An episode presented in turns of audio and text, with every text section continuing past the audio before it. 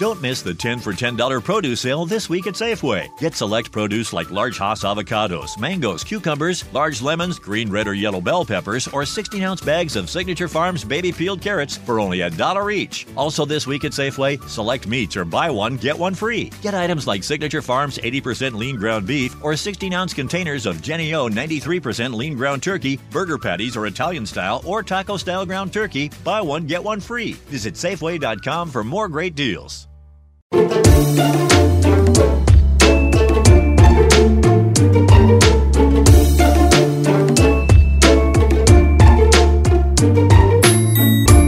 Sürdürülebilir Yaşam Okulu'ndan herkese merhaba. Ben Aslı Dede.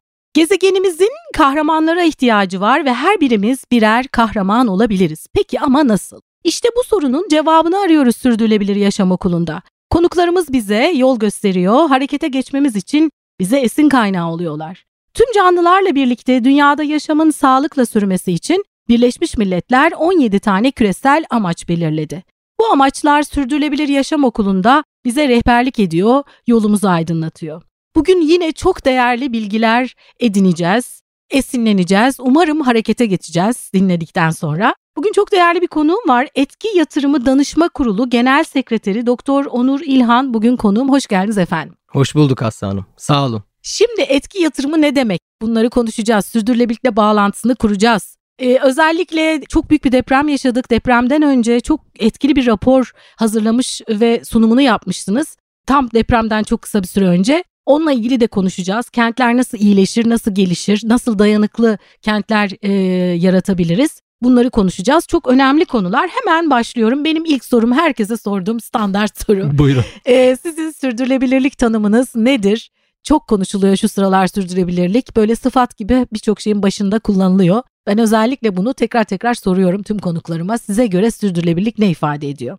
Şimdi ne ifade etmiyoryu ben öncelikle bir söyleyeyim. Ee, o çok kritik çünkü biz şimdi bu kültürümüzde de var her şey insan için diyoruz ya aslında çok pozitif bir yaklaşımmış gibi duruyor ama aslında değil e, gerçekçi yönden bakarsak. Yani biz insanlık olarak her şey bizim için var. Her şey bizim için sürdürülebilir olsun, bizim çocuklarımız için sürdürülebilir olsun derdindeyiz birazcık. E, bizim sıkıntımız bu. Sürdürülebilirliğin zaten 80'lerde ilk Birleşmiş Milletler raporlarında ortaya çıktığında yapılan tanımlarında da bunu görebilirsiniz. Yani gelecek nesillere aktarılması yani orada e, gezegen ağzı yok, e, haklarını e, savunacak durumda değil. Ondan bir bahsedilişi yok. Doğal habitatlar, doğal alanlar e, zarar görüyor, küçülüyor, türler yok oluyor veya yok olma noktasına e, geliyor. Onlar da kendilerini savunamıyorlar. Hep gelecek nesillere aktarma ama bir insanlık perspektifi var. Bizim bunu kırıp toplum ve gezegeni yani sosyali ve çevreseli bir arada düşünen bir şey yapmamız lazım. Geniş tanımlı bir sürdürülebilirlik yaklaşımı yapmamız lazım. Evet, çok güzel söylediniz. Ee, çok teşekkür ediyorum. Gerçekten bu e, önemli. Biz de aslında tüm canlılarla birlikte diyoruz. Hani özellikle sadece insanlar için demiyoruz. O yüzden bu gerçekten önemli. Peki sürdürülebilirlik e, için etki yatırımı neden önemli? Bir kere etki yatırımı da yeni bir kavram. Bilmeyenler vardır büyük olasılıkla bizi dinleyenlerin arasında. Etki yatırımı nedir ve bunu sürdürülebilirlikle nasıl bağlıyoruz? Etki yatırımı tek bir cümleyle aslında bakarsanız e, pozitif ölçümlenebilir sosyal ve çevresel etki yaratarak finansal getiri elde etme sanatı. Yani bizim üçlü sacaya dediğimiz e, toplumsal fayda, çevresel fayda ve e, finansal getiriyi e, buluşturuyor. Bu ne için önemli sürdürülebilirlik perspektifinden? Şu sebepten. E, şimdi biliyorsunuz 2030 hedefi var. Yani bu 17 tane sürdürülebilir kalkınma amacı için ortaya koyulan ki bir kısmınınki geçti hatta 2020 hedef olan bazı alt hedefler de vardı. 2030'a kadar bizim bu işi başarmak için birçok az vaktimiz kaldı. İki, çok ciddi bir finansman açığı çekiliyor. Bu pandemiden önceki dönemde sırf gelişmekte olan ülkelerde bile yıllık böyle 2 trilyon dolarların falan üzerinde bir finansman açığı vardı. Üzerine pandemi vesaire de geldi. Şu an küresel ölçekte yaklaşık 4.2 trilyon dolar her sene gerideyiz. Bu, bu amaçlara 2030 yılında erişme noktasında. E tabi burada neden gerideyiz? Çünkü bu çeşitli kamu kaynaklarıyla e, kısmen hayırseverlikle STK işleriyle götürülmeye çalışılıyor. Ama özel sektörün içine aktif olarak dahil olmadığı bir yapıyla bu açığı kapatmak ve sürdürülebilir kalkınma amaçlarına ulaşmak da mümkün değil. İşte etki yatırımcı bucılığı bu aradaki boşluğu dolduruyor. Özel sektörü sürdürülebilir kalkınma amaçlarıyla e, hemhal ediyor. Onlar da kazanıyor, dünya da kazanıyor, toplum da kazanıyor. İşte etki yatırımcılığı bu aradaki e, bağlantıyı sağlıyor diyebiliriz. Çok değerli, çok çok değerli. Etki Yatırımı Danışma Kurulu'nun geçmişi Türkiye'de çok değil. Ee, az önce kayda girmeden önce de söz ettiniz. Pandemi döneminde biz e, buluştuk. E, hatta e, birbirimizi fiziksel olarak görmeden kuruldu bu e, yapı. E, biraz bahseder misiniz? Etki Yatırımı Danışma Kurulu hangi amaçla kuruldu? Çalışma alanları neler? Evet. Ya onu da çok kısaca söyleyeyim. Tabii ki bir ulusal danışma kurulu kurma fikri yerel bir fikir değil. Bu uluslararası yaklaşık 10 senelik evveliyatı olan bir süreç. Biz de bu sürecin Türkiye ayağını oluşturuyoruz. Aslında bakarsanız işte yaklaşık bundan 10 sene önce G7 ve G20 nezdinde e, etki yatırımcılığını e, savunma noktasında bir araya gelen e, gerek finans dünyasından gerek STK gerek akademi dünyasından bazı e, fikir önderlerinin e, zaman içerisinde oluşturdukları bir konsept. Yani diyorlar ki biz bir çatı kuruluş kuralım ama bu çatı kuruluşa dünyanın farklı yerlerinden kurumları teker teker üye yapmayalım her ülkedeki anahtar paydaşlar gerek kamu gerek özel sektör gerek kar amacı gütmeyen sektör akademisi vesaire her şey dahil olmak üzere Bunlar anahtar paydaşlar bir araya gelsinler. Bunları bir hakikaten denetimden de e, geçirelim. Bir şeffaf bir e, çerçeve kuralım ve bunları ulusal danışma kurulu olarak bir çatı organizasyonun altında toplayalım. İşte bu organizasyonun adı The Global Steering Group for Impact Investment. Bizim etki yatırımcılığın büyük babası dediğimiz Sir Ronald Cohen tarafından kurulmuş 2017 senesinde bir yapı. Biz de zaten buraya üye olmak e, amacıyla e, tüm bu EYDK sürecini başlatıp yürütmüştük ve geçtiğimiz Mart sene Mart 2022'de yani de e, 35. ülke olarak kısa adı GSG olan bu topluluğa katıldık. Şu anda e, hızlı da bir gelişme süreci içerisinde yakında 55 ülkeye de çıkması bekleniyor. Biz de burada özellikle Afrika ve Asya'dan gelen ülkelerin sisteme dahil olması noktasında bir başarılı örnek ve hami olarak e, konumlanıyoruz. Diğer taraftan dediğiniz gibi evet tamamen pandemi sürecinin e, uzakları yakın eden yaklaşımıyla böyle video konferanslar e, üzerinden, mailler üzerinden hayata geçirilmiş bir yapı oldu. Amacı farkındalık yaratmak, kapasite geliştirmek, e, küresel iş ve bilgi ağlarına dahil olmak, iletişim çalışmaları yürütmek ve aynı zamanda da e, bu, alan, bu, bu konuyu politika alanında savunmak yani çeşitli politikaları e, etki yatırımcının önüne açacak e, savunmak. Tabii ki biz tamamen veriye dayalı bir yaklaşımdan e, ilerliyoruz. E, Mayıs 2021'de ilk toplantımızı yaptığımız günden beri işte anketler, e, ondan sonra yuvarlak masa toplantıları, raporlar, arama konferansları derken tamamen veriye dayalı bir şekilde bu demin saydığım amaçlara hangi tematik çerçevelerden yaklaşabiliriz'i de ekosisteme sorduk, cevabını aldık ve ona göre ilerliyoruz. Bunlar nedir? Ekosistem bize dedi ki Avrupa Yeşil Mutabakatı önemli bir konu. Bunu muhakkak çalışın. Kentsel dayanıklılık çok önemli bir konu. Oraya geleceğiz zaten. Bunu çalışın. Kadınların güçlendirilmesi, sığınmacıların geçim kaynakları ve aynı zamanda da e, inanç odaklı e, finansın da Türkiye açısından çok büyük bir potansiyeli var. Bunu da etki yatırımcılığıyla zaten etik olarak uyuşan bir yanı da olduğu için inanç odaklı yatırımların. Bunun için Türkiye'yi bir hap yapabilir miyiz? Bir farklılaştırıcı unsur ortaya koyabilir miyiz? Biz bunların e, hepsi üzerinde çalışıyoruz. Şu an 45 üyemiz var. 45 kurumsal üyemiz var. Sadece kurumları üye olarak kabul eden bir yapımız var. Tamamen şeffaf bir yönergesi ve bütçesiyle hesap verebilir bir şekilde yani kendi etkisini de ölçüp yöneten bir şekilde çalışıyor diyebiliriz Mayıs 2021'den beri güzel harika. Şimdi hemen e, önemli konuya geçelim. Belki de bunların içerisinde bu çalışma alanlarınızın içerisinde en önemlisi ki sanırım bu belki biz bizim için Türkiye için belki de en önemlisi. O yüzden de belki siz önce onunla başladınız adım attınız bilmiyorum daha önce yapılan bir şey var ama bizim duyduğumuz ilk çalışma o.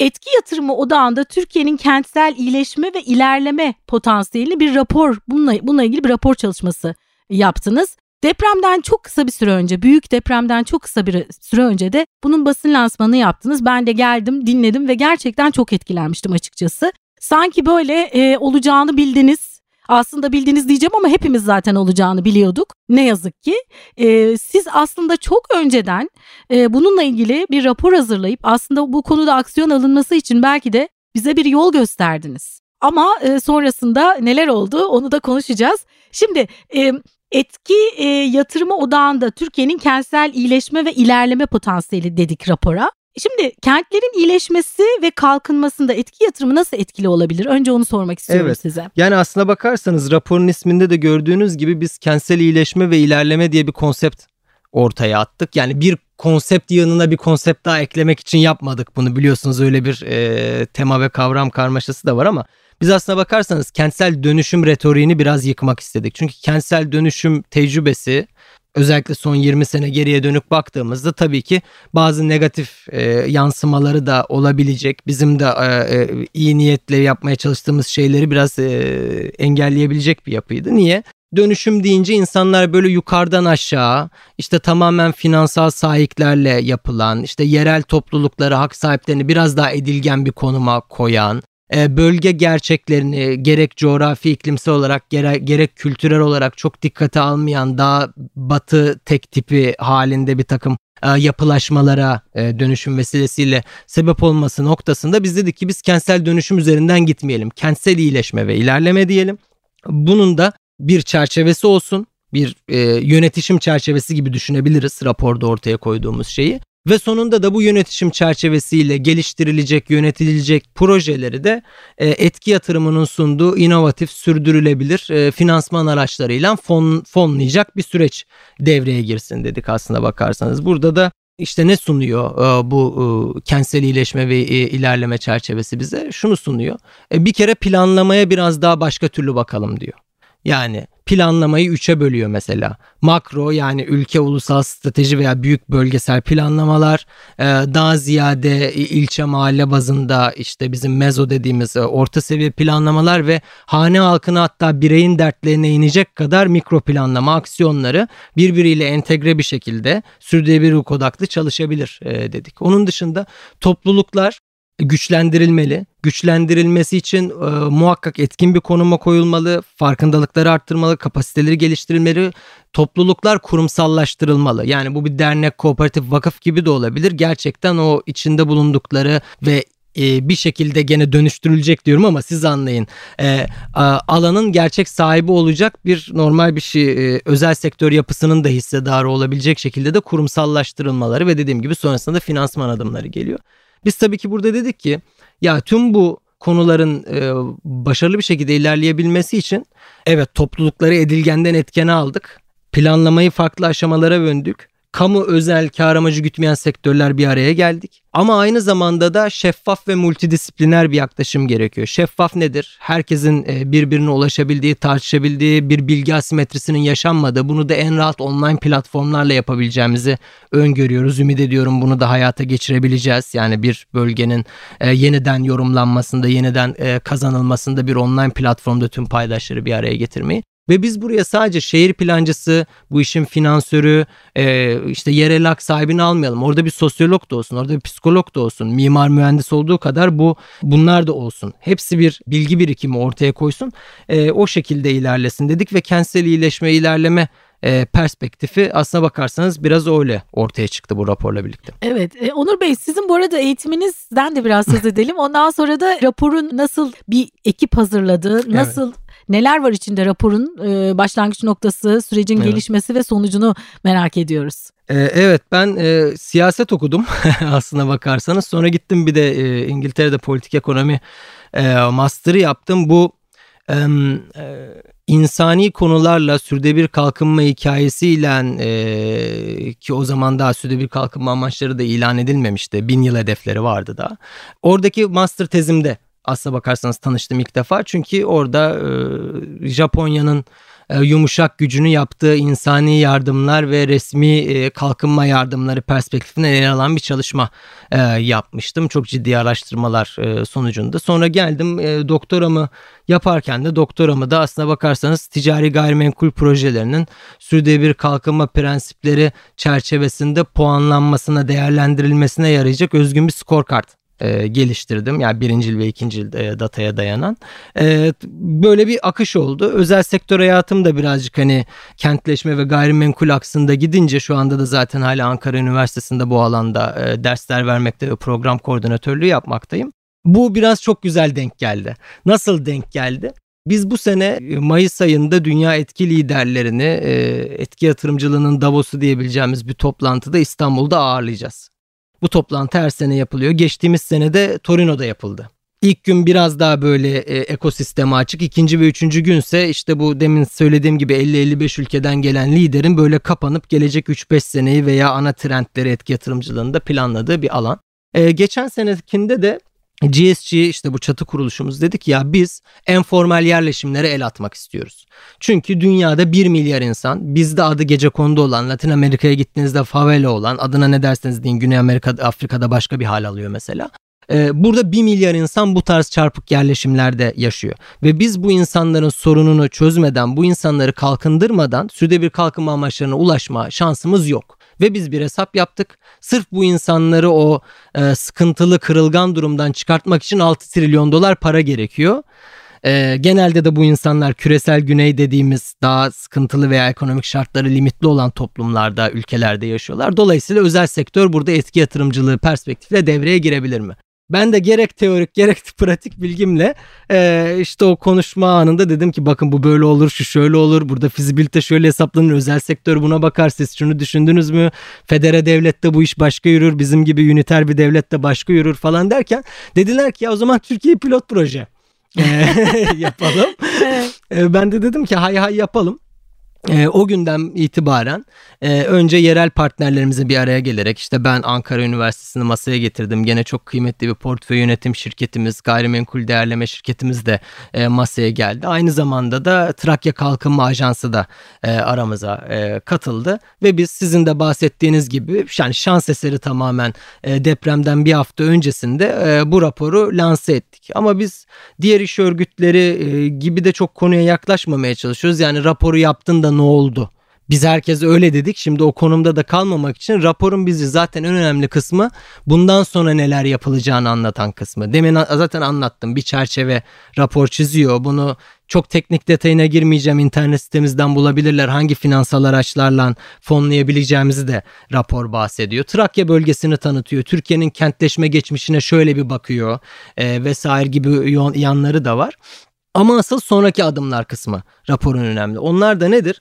Aslına bakarsanız e, farkındalık yaratmak için hem iş yapabileceğimiz kilit noktadaki anahtar paydaşlarda bir farkındalık yaratmak hem de genel bir kamuoyu oluşturmak için çeşitli aksiyonlar almayı, bir kentsel araç seti geliştirmeyi. Bu araç seti nedir? Demin bahsettiğim online platformun e, bir e, beta versiyonunu yapmak budur proje yöneticileri için sosyal çevresel pozitif etki odağında proje yönetebilecekleri şekilde bir checklist, bir kontrol listesi hazırlamak, topluluklara yöneltilebilecek bir anket hazırlamak ve gayrimenkul değerlemesini tamamen işin finansal boyutuyla kısıtlamayıp da sosyal ve çevresel boyutuyla da ele alan e, siz de katıldınız lansmanlarda sonraki işlerde de bahsettik. Bir scorecard geliştirilmesini de öneriyoruz. Bu işin teknik boyutu.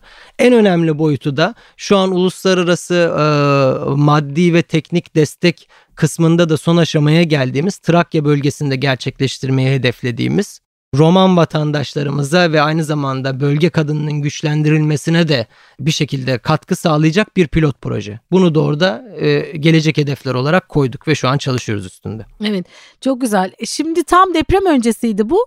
Belki sizin zaten sonrasında yapacağı atacağınız adımlar da belliydi ama tam deprem öncesinde kentsel iyileşmeden ve ilerlemeden ve dayanıklılıktan özellikle söz etmiştiniz.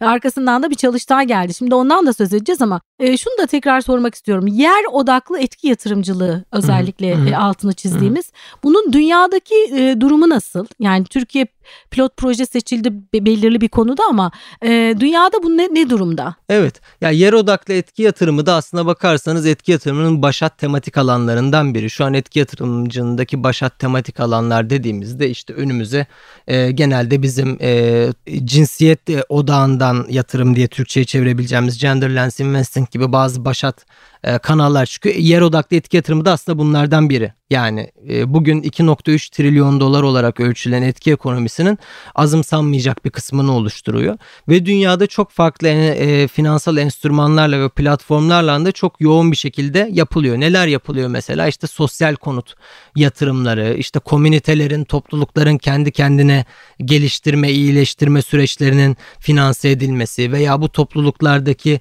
kırılgan kişilere mikro kredi sağlanması sağlanması gibi çok farklı çeşitlerde ele alınabilen veya bu noktalarda işte teknik eğitim verilmesi, istihdam sağlanması gibi e, sosyal hedefleri ve sonunda ekonomik çıktıları da olacak sosyal hedefleri, hedefler için ortaya çıkartılan sosyal ve kalkınma etki tahvilleri gibi bir takım modeller var. Bunlar gerçekten çok büyük bir yer tutuyor. Dolayısıyla bizim aslında yer odaklı etki yatırımı dediğimiz aslanım şu. Etki yatırımcılığının tüm cephaneliğini kullanabiliyorsunuz. Ama işte diyorsunuz ki ben Trakya bölgesini hedefledim. Ben Türkiye'yi hedefledim. Ben Orta Doğu'yu hedefledim. Güneydoğu Anadolu'yu hedefledim. Ben veya işte Roman vatandaşları hedefledim veya Amerika'dasınız Latino topluluğunu hedefledim, e, Afrikalı Amerikalıları hedefledim gibi. Yani böyle bir yer odaklılık e, yapıyorsunuz, bir e, tema gömüyorsunuz. Dünyada çok gelişmiş durumda. Biz ilk defa bunu Türkçe'ye çevirdik. Dolayısıyla yoktu ama artık var bir terim olarak. Nasıl bundan iki sene önce etki yatırımını Türkçe yazdığınızda karşınıza hiçbir şey çıkmıyorsa evet. ama bugün bir sürü şey çıkıyorsa aynı şekilde artık yer odaklıyı da e, daha çok duyuyor olacağız. Bunun bir yer odaklı etki yatırımı olsun diye değil de tam ona hizmet edecek bir şekilde yapılan bir örneği de ortaya çıktı. Umarım başarılı olur. Biz arada müdahale ederek biraz e, e, dışarıdan izleyerek takip ediyoruz. Biliyorsunuz İzmir Kemeraltı bölgesi var. Tarihi Kemeraltı bölgesi. Orada yaklaşık 10 senedir oranın sürdürülebilir dönüşümü için çalışan içinde anahtar paydaş yer Tarkem diye de bir bir işte şirket yapısı var, bir anonim şirket var ama tam bir klasik e, anonim şirket mantığıyla da çalışmayan. İşte bunların bir gayrimenkul yatırım fonu kurarak aslına bakarsanız bir sermaye piyasası aracı kullanarak bu bölgeyi dönüştürmek konusunda bir atılımı e, oldu e, yakın zamanda. Tam da bizim raporumuzdan üst üste denk geldiler. Onlar fonu lanse ettiler. Biz raporu lanse ettik. Üstüne deprem oldu. Üstüne çalıştay yaptık falan. Yani sene başında hiç konuşulmazken 3 ay içerisinde çok konuşulan bir konu oldu bile ve biz önü çok açık diye düşünüyoruz. Çok güzel.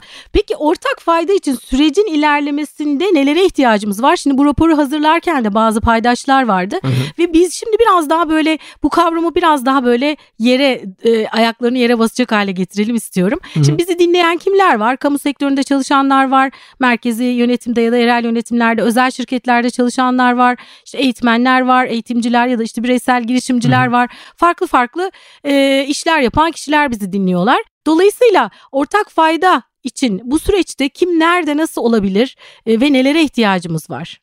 Eh, aslına bakarsanız e, ortak faydanın ölçeklenmesi için öncelikle bir başarı hikayesi ortaya çıkartılması gerekiyor. Biz bunu EYDK'nın kuruluş ve büyüme sürecinde de gördük.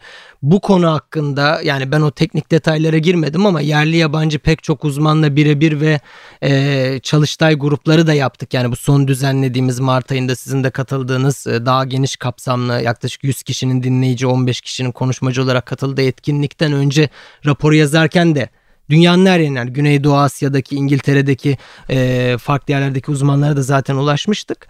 Herkesin bu, bu konu için de söylediği o. Bir pilot proje, bir başarı hikayesi. Bunu yaratın, bunu anlatın. İnsanlar hem bir başarı gördüklerinde arkasında çok daha güçlü bir şekilde ve hevesli bir şekilde durabiliyorlar.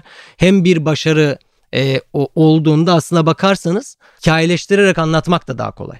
Yani ben şimdi size teorik olarak burada bir sürü şey söyledim evet. değil mi oturduğumuzdan beri. evet. Ama ben size gelip bundan bir sene sonra Trakya'da yaptığımız pilot projenin çerçevesini çizsem oradaki e, girdi süreç çıktı sonuç uzun vadeli etkiyle ilgili somut e, belki de nihai faydalanıcı ismi vererek veya e, anlatarak versem sizin bu kafanızda daha çok oturur siz beni bulursunuz e, gerisi e, çorap söküğü gibi gelir.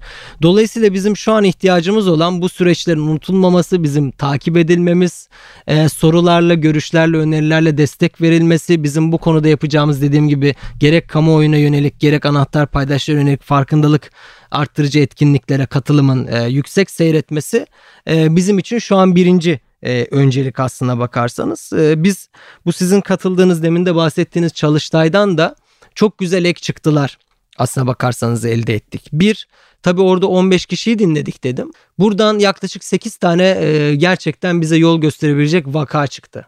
Yani kimi bir fon yöneticisi ve bir startup'a yatırım yapmış onun yarattığı etkiden bahsediyor. Kimi bir uluslararası kalkınma finans kuruluşu işte bir inisiyatif başlatmış belediyeler nezdinde onun yarattığı etkiden e, bahsediyor.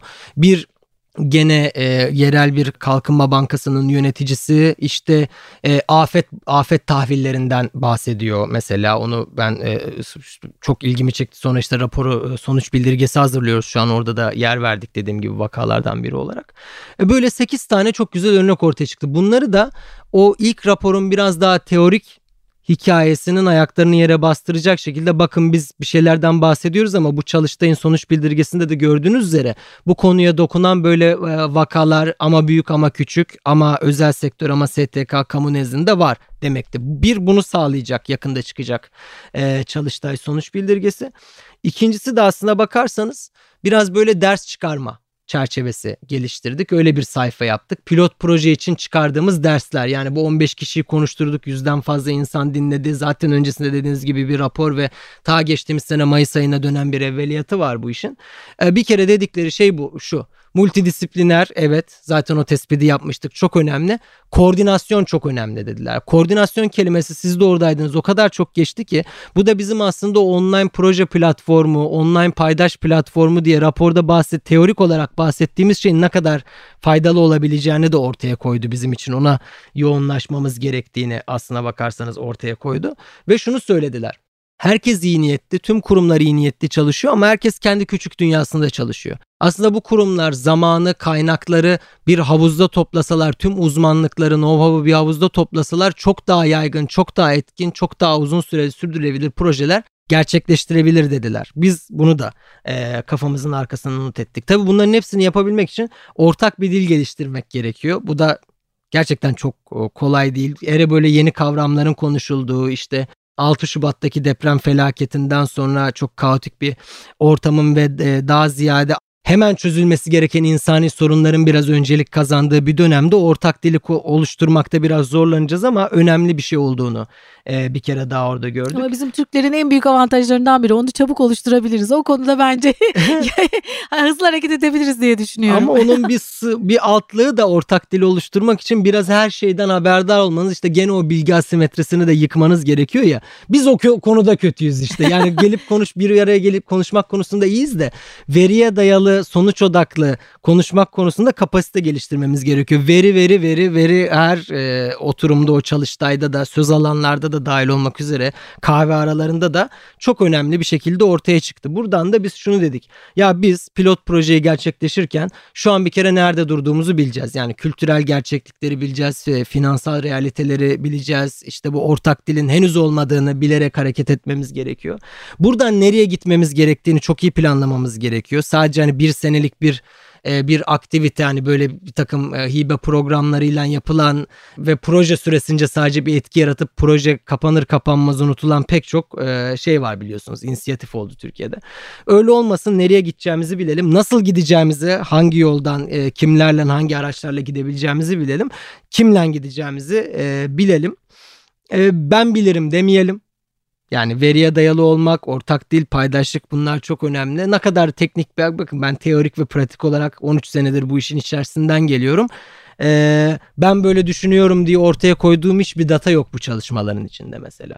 Ee, gezegeni, habitatı, tüm canlıları sizin de onayladığınız gibi savunalım kısa vadeli perspektiflerle uzun vadeli perspektifleri biraz bir araya getirelim. Çünkü ne sadece uzun vadeye oynamak ne demin bahsettiğim örneklerdeki gibi sadece bir seneye odaklanmak yetmiyor.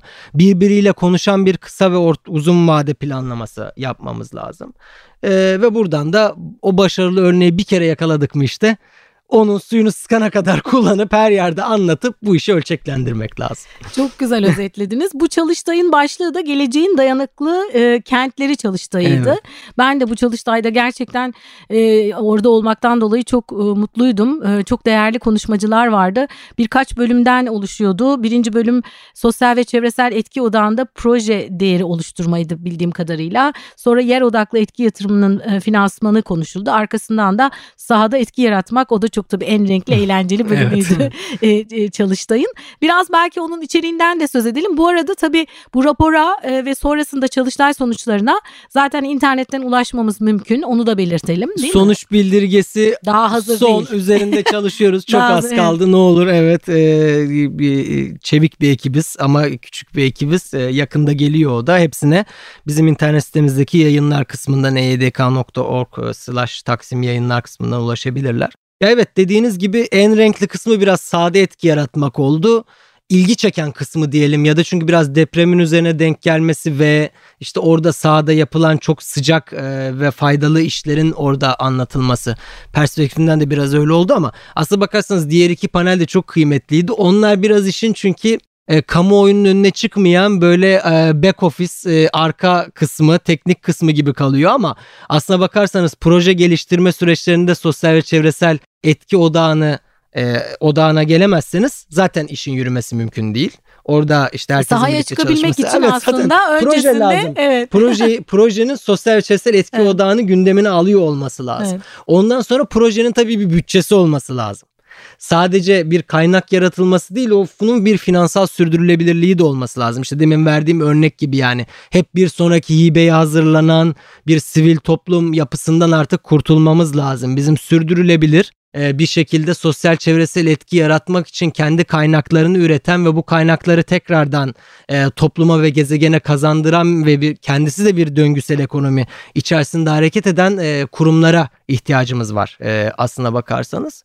Biraz bunun altyapısıyla ilgiliydi ve sonra zaten sahaya çıktığımızda da yani işte e, konteyner kentlerin kurulmasından onun bir alternatifi olarak biliyorsunuz işte kira yardımıyla insanların dayanıklı konutlara yerleştirilmesine kadar çok e, farklı renkli ve bu işin iletişiminin paydaş etkileşiminin nasıl yapılmasıyla e, ilgili önerilere kadar çok renkli e, konuşmalar geçti. Zaten demin de böyle ben iki dakika içinde çok hızlıca biz buradan ne ders çıkardık diye toplarken aslında işte evet yani bu değerli insanlar konuştu e, işte ben de naçizane bir tanesinde modere ettim e, ve ortaya çıkan sonuçlardan biz onu da yapmak istiyoruz aslanım. Çünkü şimdi biz bunun okumasını yapabiliriz. Tüm teksti yazabiliriz.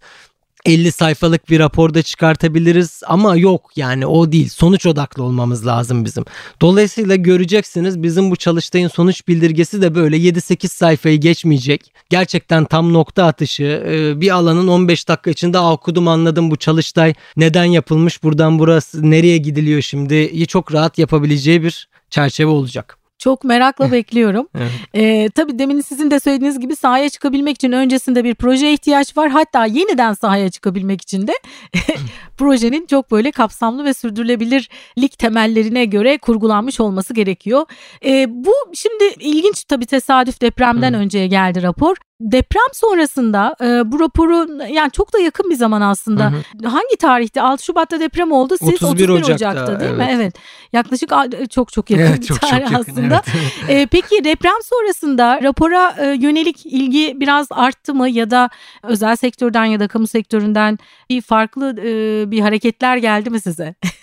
Ya şöyle evet yani tabii ki şunu da kabul etmek lazım. Demin de belirttiğim gibi öncelikle çok hızlıca karşılanması gereken insani sorunlara tabii odaklanıldı. Yani önce insanların o yıkıntılardan çıkartılması, işte orada bir şekilde hayatlarını idame ettirilmesi, ekonominin de kapanmaması gerekiyor. Yani oradaki sanayi, oradaki ticaret durursa oradan geçici süreyle giden insanlar kalıcı süreyle gitmiş olabilirler. Zaten çok ciddi kayıplar yaşadılar. Oraya kendilerini ekonomik olarak bağlayan bir şey de kalmazsa tamamen oralar e, farklı bir boyuta gidebilir falan gibi endişelerin hızlıca üzerinden aslına bakarsanız e, gelmeye odaklanmış bir yapı gördük. Özel sektörde de böyle, e, STK'larda da böyle, kamu nezdinde de hızlı aksiyon almaya yönelik böyle bir aslına bakarsanız yapı gördük. Bizimki tabii ki işin uzun planlı hikayesi. Yani bizim ortaya koyduğumuz kentsel iyileşme ve ilerleme perspektifi bir deprem, e, bir sel olduğunda işte e, sudan çekip o insanı o an çıkartmak veya yıkıntıların altından o ilk 48 saatte o insanı kurtarmakla ilgili değil.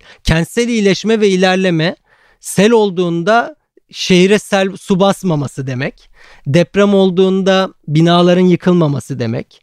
Ee, veya e, işte böyle bir afet sonucunda ki, neyin nasıl yapılacağının her şeyin esnek planlı bir şekilde ortada olması demek. Kentin hemen dirençli bir şekilde tekrardan ayağa kalkabilmesinin yol haritası demek. Bizim tabii bunun altlığını kurmaya çalışıyor olmamız bize çok ciddi bir destek getirdi. E zaten e, 23 Mart'ta da sizin de katıldığınız işte Çalıştay'da geleceğin dayanıklı kentleri Çalıştay'ında da o yüzden çok ciddi bir teveccühle karşılaştık. Yani stratejik partnerimiz olan kurumlar bize ev sahipliği yapan kurumlar, konuşma yapmak için gelenler, dinlemek için gelenler, dediğim gibi o arada yaptığımız sohbetler ve herkes sabırsızlıkla pilot projeyi bekliyor şu an. Ee, yani biz biraz sabırsızlıkla bekliyorduk ki hani evet gücümüzü gösterelim diye. Şimdi herkes o projenin bir parçası olmak için kurumsal çerçevede bahsediyorum bekliyor. İyi, ne güzel. öyle bir e, durumdayız şu an. Böyle olumlu bir etkisi oldu. Pandeminin tabii çok olumsuz bir dönem geçirdik. Onun e, en azından sürdürülebilirlik kavramını e, daha fazla gündeme getirmesi gibi bir e, faydası oldu. E, deprem sonrasında da en azından bu konularda daha ciddi düşünecek insanlar daha iyi harekete geçecekler diye düşünüyorum. O zaman kentsel dönüşüm aslında kentsel dönüşüm daha çok e, e, bina bazlı hani şimdi kentsel iyileşme dediğimizde daha kapsayıcı zaten dayanıklı ve kapsayıcı e, kentler diyorsunuz. Artık şeyi e, bakışımızı daha bütünsel ve daha kapsayıcı bir yere çevirmemiz gerekiyor özetle değil mi? Evet evet yani şöyle düşünün bir bina yapmakla iş bitmiyor ki İstanbul'daki pek çok örneğine de e, bakabilirsiniz. Asıl oradaki hikaye nedir? Bir, bir kere o binayı oradaki yerel toplulukların o sosyal ağların isteklerine, ihtiyaçlarına ve kültürlerine uygun yaptın mı? Yani 30 katlı işte apartman veya gökdelen formatını kaldırabilecek çok fazla lokasyon ve kültürel çerçeve yok. Yani Türkiye'de de yok, dünyada da yok. Bunlar hep belli yerlerde, iş merkezinde falan kümelenen e, yaklaşımlar aslına bakarsanız. Bu yapılaşmayı yani tamam yerel topluluklara sordun, tamam onlara göre yaptın. Bunu doğayla entegre edebildin mi? Yani hem doğal alanlara, habitatlara saygı duyup hem onlarla entegre bir şekilde e, enerji kullanımından e, tutun e, her türlü malzeme kullanımına kadar sonrasında kaynak kullanımına, işletme süreçlerine kadar her şeyi de düşünebildim mi?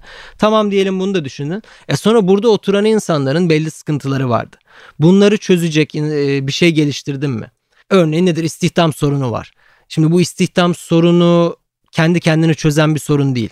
Öncelikle atıyorum bir teknik eğitim verilmesi gerekiyor. Öncelikle hangi alanda çalışmak istiyor bu insanlar veya meziyetleri var. O öğrenilecek. Sonra gerekli teknik eğitimler verilecek. Sonra insanlara o, o kendi evim dedikleri lokasyona yakın ulaşılabilir bir yerde bir istihdam veya kendi işlerini açacak, girişimcilik yapabilecek bir düzlem sağlanması lazım gibi gibi sosyoekonomik boyutları da e, içine alarak giden bir silsile aslına bakarsanız kentsel iyileşme ve ilerleme dediğimiz. O yüzden de biz dönüşüm e, kelimesini kullanmayalım, kafa karıştırmayalım, yeni bir oyun planıyla sahaya çıkalım dedik. Çok güzel, gerçekten çok iyi olmuş. Bu bu tabii e, şu anda kentlerin deprem sonrası pek çok kent neredeyse e, yani birkaç tanesi özellikle tamamen yok olmuş e, durumda belki de.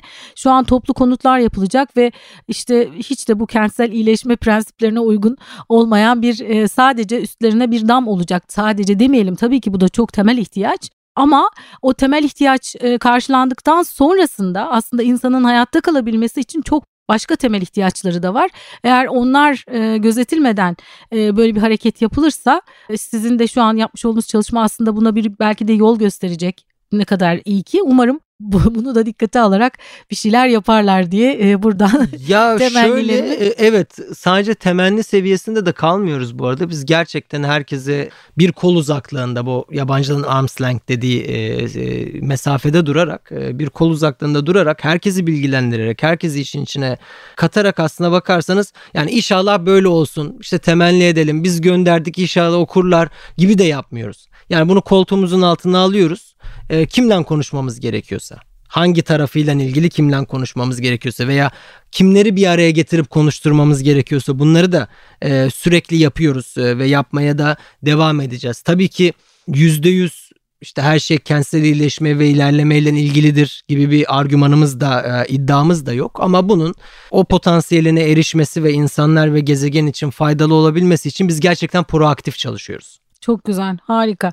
Güzel haberler duyacağız o zaman yakında Evet, yine. evet. Şimdi size e, biraz daha bu konudan şöyle bireysel e, yaşama doğru geçelim. Sizce sürdürülebilir yaşam kültürünü nasıl oluşturabiliriz ve sizin e, hep konuklarıma sorduğum şey hani burada konuşuyoruz sürdürülebilirlikle ilgili birçok şey söylüyorsunuz. Sizin bireysel olarak e, Onur İlhan olarak sürdürülebilirlik için yaşam biçiminizde değiştirdiğiniz neler var diye bu iki soruyu birbirine bağlantılı Şimdi sormak demin istiyorum. de dışarıda biraz sohbet ettik. Evet. Ben bireyselden başlayayım ama ondan sonra bireyselle bu işin olmayacağına dair yaptığımız sohbete de bir referans vermek istiyorum.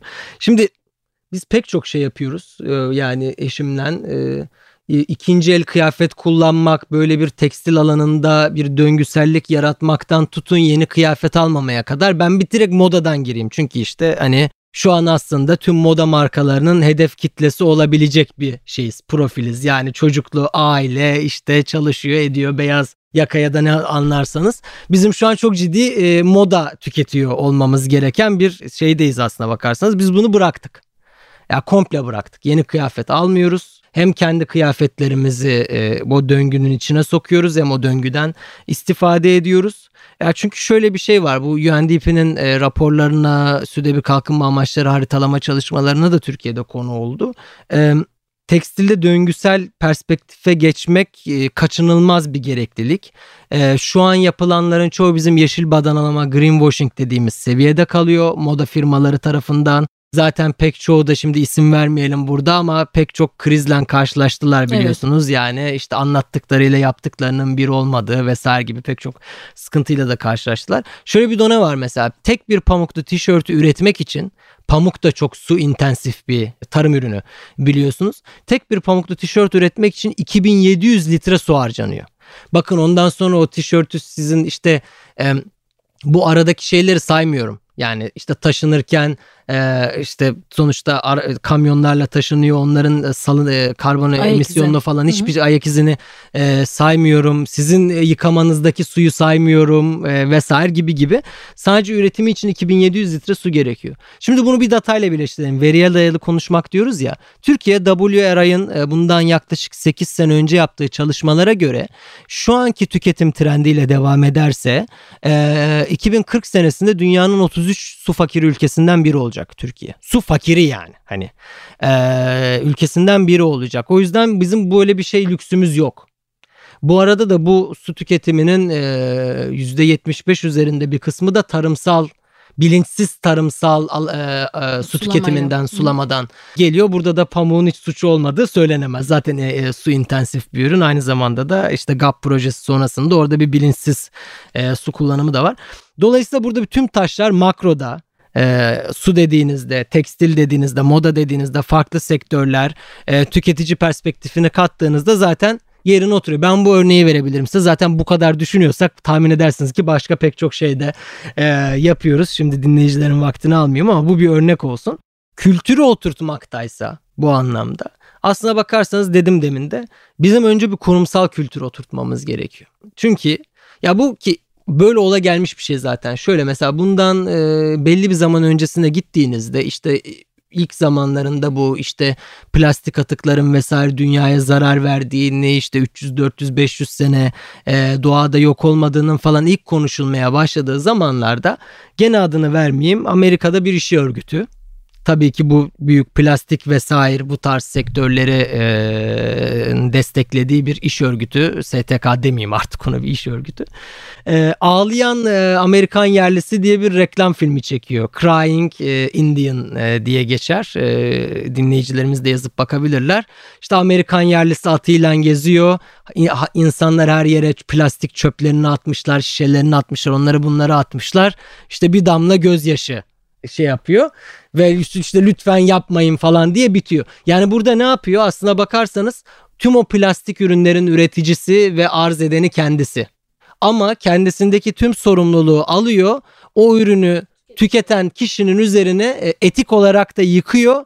Dönüşümü de sen yap diyor. Bak sen atıyorsun diyor. Atma diyor. Ama yani bir o insan nihai tüketici bunları dönüştürmek istese bile sen bunları dönüştürülebilir şekilde üretiyor musun? Size bir tüyo vereyim üretmiyorlar.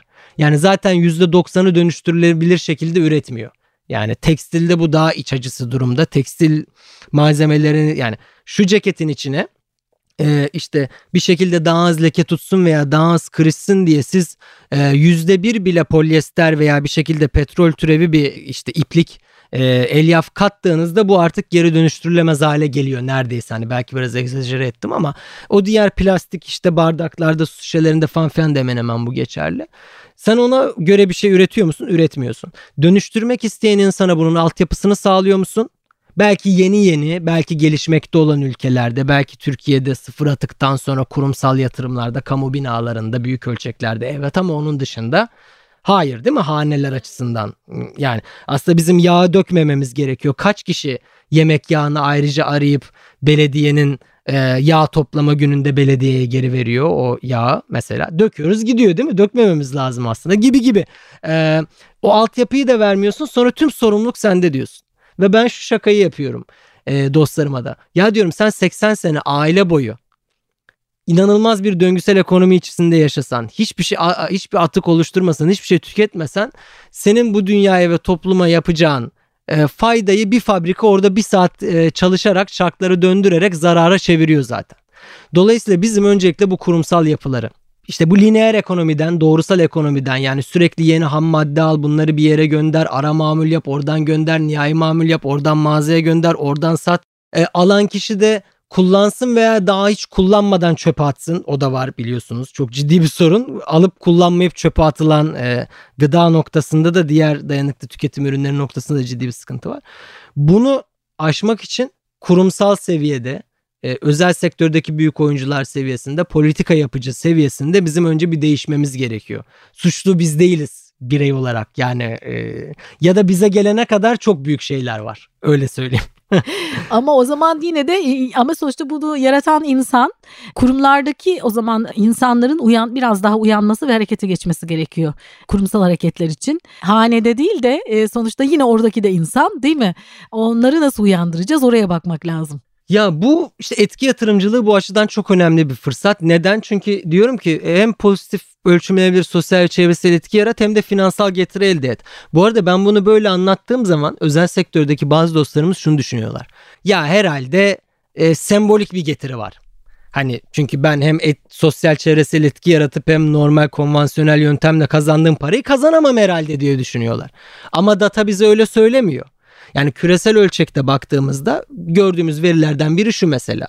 Sürdürülebilir olarak nitelenebilecek hisselerin konvansiyonel diyebileceğimiz hisselerle performans açısından ya bir farkı yok ya sürdürülebilir şirketlerin hisseleri daha iyi performans gösteriyor. Daha da gösterecek. Daha da gösterecek şu an artan oranda. Geliyorum e, risk sermayesi tarafına yani bu girişim sermayedarlığı tarafına startup ekosistemine. Orada da e, etki odaklı veya pure etki yatırım fark etmez. Ya bunlar da aralarında ayrışıyor tabii yani. E, sosyal çevresel etkiyi tamamen fokusuna koyan var. E, dikkate alan var, odağına alan var e, vesaire o şekilde gidiyor.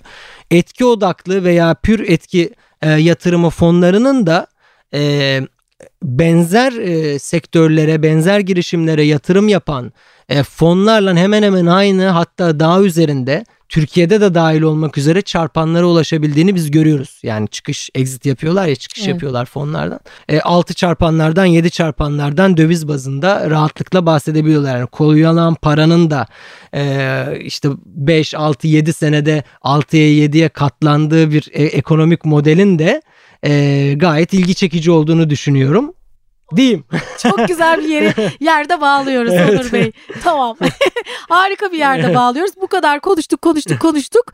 Ee, bütün bunları yaptığınız zaman para kazanmayacak mısınız? Hayır kazanacaksınız. Hatta belki de daha çok kazanacaksınız. Çünkü dünyanın gidişi oraya. E, yani ham madde zaten yok olmaya e, doğru gitmişse eğer siz iş yapmaya devam etmek istiyorsanız eğer buraya gelmek zorundasınız aslında diyelim. Evet. E, ve eklemek istediğiniz başka bir şey varsa alalım ve e, bizleri konuk bağlayalım. ettiğiniz için çok teşekkür ederim. E, ümit ediyorum pilot projemiz tamamlandığında da tekrar e, sizden bir araya geliriz ve evet işte şu noktadayız diyebiliriz. E, o güne kadar dinleyicilerimize de e, teşekkür ediyorum. Sağ olun. Evet ben özellikle sizi ilk rapor e, lansmanında ve sonrasında çalıştayda dinlediğimde açıkçası Türkiye'de yaşayan bir kişi olarak böyle yetkin kişilerin bu alanda emek veriyor olmaları e, bizim için çok değerli. Ben bir de ayrıca bireysel olarak Aslı Dede olarak size bu ülkede yaşayan biri olarak ülkenin geleceği için, gezegenin tabii ki de geleceği için çok çok teşekkür ediyorum tekrar Onur Bey. Çok sağ olun, teşekkür ederim. Evet bir bölümün daha sonuna geldik. Bize nasıl ulaşabilirsiniz? Sosyal medyadan Sürdürülebilir Yaşam Okulu yazarak ya da sürdürülebiliryaşamokulu.com adresinden bize ulaşabilirsiniz. Ben Aslı Dede bir sonraki bölümde buluşmak üzere demeden önce başta ne söylemiştik? Tüm canlılarla birlikte dünyada yaşamın sağlıkla sürmesi için gezegenimizin kahramanlara ihtiyacı var ve o kahraman sen olabilirsin. Harekete geç.